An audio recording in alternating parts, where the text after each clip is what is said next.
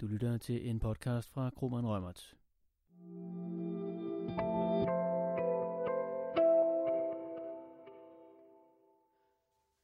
Velkommen til denne øh, anden podcast om fintech. Øh, vi vil i dag prøve at snakke lidt om, hvad København indtil videre har gjort for at blive Nordens fintech-hub, som er den erklærede målsætning for byen, men også lidt om, hvad København kan og bør gøre for øh, at drive den udvikling endnu videre og realisere den ambition om at blive Nordens fintech-hub. Og med henblik på at drøfte det, har jeg øh, med mig Christian, Anders, Alexander og så mig selv, Jakob. Og vi vil øh, prøve i de næste 10-15 minutter at snakke lidt om, øh, hvordan København kan realisere den her ambition om at blive Nordens fintech-hub.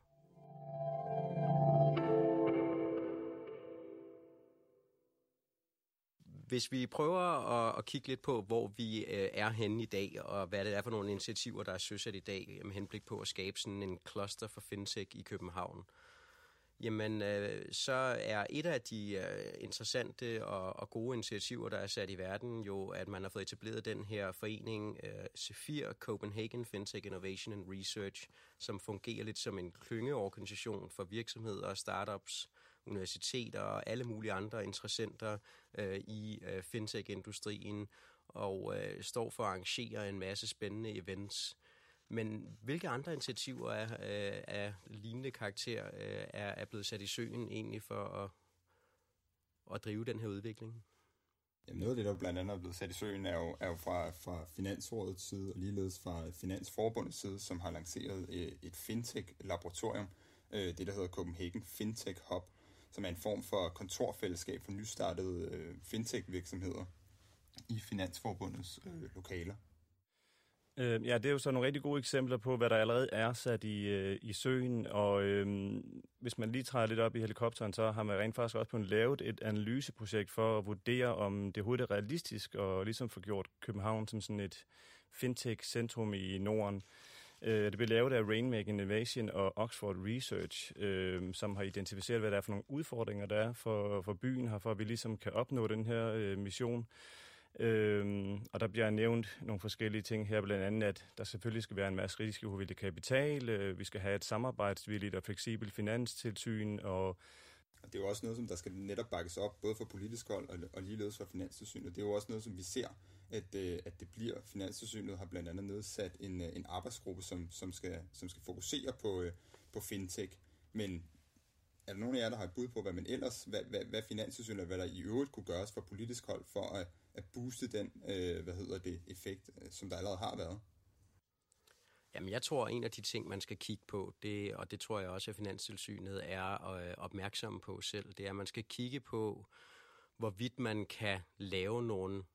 fornuftige og forsvarlige tillempelser af reguleringen, som den er i dag, der akkommoderer, at man kan starte fintech-virksomheder op øh, også med øh, tilladelser fra Finanstilsynet til for eksempel at udøve værdipapirhandelsvirksomhed eller fungere som betalingstjenesteinstitut. Særligt når det kommer til det her med fondsmælertilladelse, og der er en række af de fintech-startups, der er derude i dag, som vil være nødt til at få tilladelse som fondsmælerselskaber, så vil det være rigtig fint, hvis man fra politisk hold kunne kigge på at fjerne noget af den overimplementering, også kaldet goldplating, som vi har i Danmark, og som fungerer garanteret rigtig fint og fornuftigt i forhold til etablerede klassiske fondsmælerselskaber og setuper, men øh, fungerer knap så hensigtsmæssigt for en række af de fintech-initiativer, der er sat i søen, fordi det simpelthen er for dyrt og, og kapitaltungt at starte en, øh, en, en fintech-fondsmæler virksomhed op. Men er der nogle, øh, er der nogle eksempler fra, fra udlandet, som vi kunne drage, øh, drage hvad hedder det, eller kigge til i den sammenhæng? Ja, altså det vi taler om her, det er jo ligesom at prøve at introducere nogle af de her regulatory sandboxes, øh, som vi blandt andet kender fra, øh, fra England, og som også vi kender fra, øh, fra øh, øh, Singapore. Singapore sorry, øh, hvor, øh, hvor man har sådan nogle kriterier for, hvad for nogle virksomheder, der ligesom kan få lov til at komme ind og lege den her sandkasse, øh, for at sige det på godt dansk, øh, hvor man i en periode tillæmper kravene og gør det på en måde, så der er sikkerhed for investorer og så videre. Øhm, så det er jo i hvert fald en, en øhm, det, det er jo nogle initiativer, der kan tages op, og jeg ved også, at der er flere fra, fra branchen her i fintech-branchen i København, der har spurgt Finanstilsynet til det her. Øhm, og de har jo udmeldt for nylig en artikel også, at de vil forsøge at gå i dialog med fintech-virksomhederne, og vil også se på sådan et initiativ på en regulatory sandbox. Så det vil sige, at det er nogle mere sådan håndfaste eller konkrete initiativer på, hvordan man kan tillæmpe lovgivningen, eller altså øh, UK har man jo blandt andet også gjort det mere skattemæssigt attraktivt øh, at være fintech-virksomhed, sammenlignet med at være alle mulige andre øh, former for virksomheder. Ja, og så tror jeg, at en af de ting, man skal kigge på, det er at prøve at få lavet en, en hurtigere og måske mere smidig ansøgningsproces for nogle af de her fintech-startups. For hvis de bliver præsenteret for øh, en proces, der kan vare op til et års tid, fra de selv starter deres forberedelser indtil tilladelsen er givet, så er det øh, meget uoverskueligt for dem, fordi de er jo samtidig i en fase, hvor de skal prøve at teste, om deres øh, forretningsmodel overhovedet fungerer i praksis, om der simpelthen er nogen, der er interesseret i at købe deres produkt, øh, om de kan få dannet de strategiske alliancer, der er nødvendige for, at deres produkt kan, kan blive øh, øh, udbredt på, på markedet, og alle de her ting, der nu hører til at starte virksomhed op. Og så virker det meget uoverskueligt at skulle sætte det hele øh, på pauseknap et år, mens man går og venter. Og det er også en meget stor øh, investering, engangsinvestering at have som en sunk cost up front, hvis man ikke ved, om ens forretningsmodel overhovedet fungerer i praksis eller ej. Men det er vel også noget, som der netop giver god mening øh, at, at, at gøre noget ved netop på det her tidspunkt, særligt set i lyset af, af, af Brexit. Øh, fordi at, altså, London har jo i, i mange år, både inden for, for, for traditionelle finansielle services, og også øh, over de senere år inden for, inden for fintech-branchen, været en form for hop, der har tiltrukket rigtig meget øh, dygtig, øh, øh, både ung og erfaren arbejdskraft. Øh, så, så det er vel egentlig et spørgsmål om, at man i videst mulig omfang skal smide, mens jernet er varmt i den her sammenhæng. Øh, nu hvor muligheden, øh, altså, der har opstået den her mulighed, så at sige. Det, det mener jeg helt bestemt, ikke? Og, og, og en ting er øh, den hop, der er inden for fintech i, i England og i særdeleshed i London lige nu, det må vi jo erkende kan være svært øh, nogle gange for, for et øh, mindre land som Danmark at konkurrere med, også fordi de har nogle, nogle helt naturlige fordele, der for eksempel udspringer af øh, der, deres sprog og deres øh, øh arbejds- og boligmarked. Men jeg tror, vi skal fokusere lige så meget på, hvad der sker øh, hos vores nordiske venner, øh, for eksempel op i Stockholm, hvor svenskerne har været særdeles succesfulde med at få skabt øh, en fintech-hub i, i Stockholm, øh, under lidt mindre pomp og pragt, end vi har annonceret vores her i, i København, men øh, mindst, hvis ikke mere, succesfuld øh, i, i Sverige. Så jeg tror, og de, og de har netop inden for det regulatoriske område lavet øh, en række af de her lempelser for fintech-virksomheder, som i dag på mange måder gør det mere attraktivt at starte op i Sverige end i Danmark. Og det bør vi selvfølgelig undgå, fordi Sverige er et land, vi normalt sammenligner os med, og hvor vi normalt føler os betrykket i, at hvis de kan lempe reguleringen, så bør vi også kunne gøre det. Men der er en balance her. Det må vi også sige til os selv, fordi hver gang man lemper på reguleringen for fintech-startups, så vil der sidde med en vis rette nogle etablerede aktører tilbage og føle, at de, der er underlagt de meget strenge og skrappe rapporterings- og kapitalkrav, de får øh, en forværet konkurrencesituation sammenholdt med øh, de nu øh, konkurrerende startup-firmaer. Så der er en balance hele tiden, hvor man skal prøve at øh, inspirere til, at øh, nye startups kan, kan komme ind fra fintech-området, og vi kan tiltrække interessante initiativer fra resten af verden og Norden og EU, men uden at skabe en unfair konkurrencesituation i forhold til de etablerede virksomheder. Ja, og en ting er at tænke lempelser inden for, for fintech, som vi selvfølgelig har meget fokus på her. Det er nok også at tænke lempelser inden for investorsiden, øh, hvor vi for eksempel også kan kigge til, til London. Øh, for det skal jo også være attraktivt som investor at investere i de her startups, så der har vi for eksempel øh, den her size-ordning fra, øh, fra England, hvor du som investor får øh, fradragsret på de investeringer, du laver i startup-virksomheder, og du får også øh, en, øh, en fri beskatning, når du senere til, sælger aktier i, i sådan en fintech, du har haft investeret i. Så det er jo også en inspiration, vi kan, vi kan se på, så vi får tænkt mere ind end bare fintech-virksomhederne.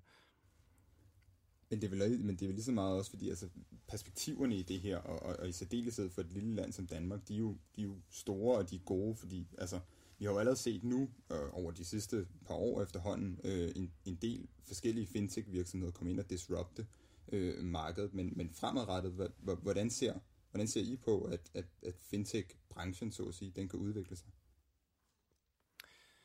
Altså, jeg, jeg tror, at øh, der vil være sådan en mindre øh, skarp skillelinje mellem, om vi snakker disruptors eller de etablerede spillere. Jeg tror, vi vil se i den her, øh, som også allerede sker nu, at der vil være mere fokus på at indgå partnerskaber mellem fintech-virksomheder og etablerede spillere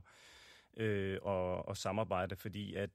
jeg tror, der er sådan en fælles forståelse fra, fra de aktørers side af, at, at fintech-virksomhederne har brug for den øh, erfaring og den kundebase osv., som de etablerede spillere har, og omvendt har de brug for den innovation osv., som sker fra fintech-virksomhederne. Øhm, så, så jeg tror, vi vil se et øget samarbejde og partnerskab, øh, partnerskaber, der bliver indgået. Det, det er jeg sådan set enig i, men jeg tror også, at øh, man, hvis man hæver sig lidt op i helikopterne et øjeblik, øh, som land og by fra Danmarks side og Københavns side skal sande, at øh, toget kører altså nu med, inden for det her fintech-område, og det kører meget, meget stærkt. Ikke kun i Norden, ikke kun i Europa, men i hele verden. Og øh, vi bliver nødt til at nå op på den kritiske masse af konkrete fintech-virksomheder, hvad end det er startups eller det er initiativer øh, i regi af bestående, veletablerede finansielle virksomheder, til at man får den der clusterfølelse i, i København af, at øh, her har vi en, en fintech-cluster, hvor at øh, man kan inspirere hinanden, og hvor at man lige pludselig får skabt en slags, slags hype om byen, og, og dens fintech-miljø, der automatisk tiltrækker en masse andre. Og, og derfor tror jeg, at nogle af de her øh, forskellige initiativer, herunder politiske initiativer, vi har talt om, de bør komme ganske hurtigt øh, og effektfuldt for, at vi kan ride videre på den bølge, der, der lidt er skabt øh, af, af fintech-initiativer og, og, og fintech-stemning omkring København og Danmark. Men hvad med sådan noget som, hvad med sådan noget som kapital? Så i denne sammenhæng naturligvis særligt risikovillig kapital. Det er, noget, som, er, er, der, er der tilstrækkeligt risikovillig kapital i Danmark til at kunne fonde de her startup-virksomheder, øh,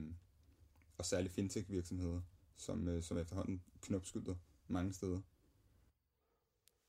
Altså, jeg synes, det er oplevelsen ud fra de fintech-virksomheder, vi snakker med, og startup-virksomheder, vi taler med,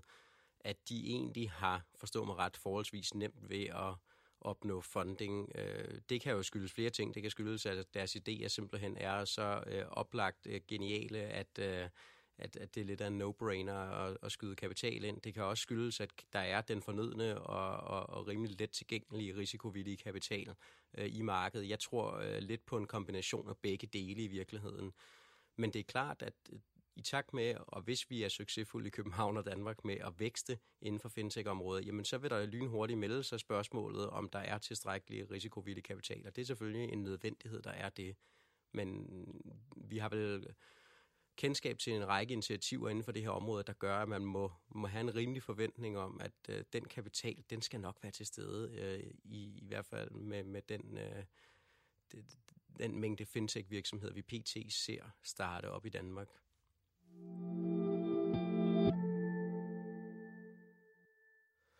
Ja, så det bliver super spændende at følge, hvad der kommer til at ske. Øh, nu har vi haft øh, de her to sådan lidt mere generelle podcast om fintech, og nu vil vi prøve i nogle specialpodcast inden for den nærmeste fremtid at blive lidt mere specifikke. Og Alexander, det kan du måske fortælle lidt mere om. Ja, vi har lavet to podcasts, som specifikt omhandler den teknologi, der hedder blockchain-teknologien, som er en database-teknologi, som anvendes af både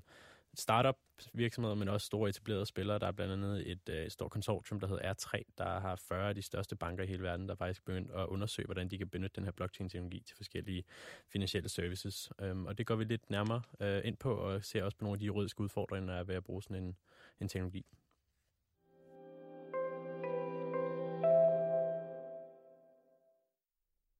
Du har lyttet til en podcast fra Krummeren Rømmert. Hvis du vil kontakte mine af vores specialister, eller hvis du ønsker at skrive det op på et af vores nyhedsbreve, kan du finde det, du skal bruge inde på vores hjemmeside www.kromanrømmert.com. Tak fordi du lyttede med.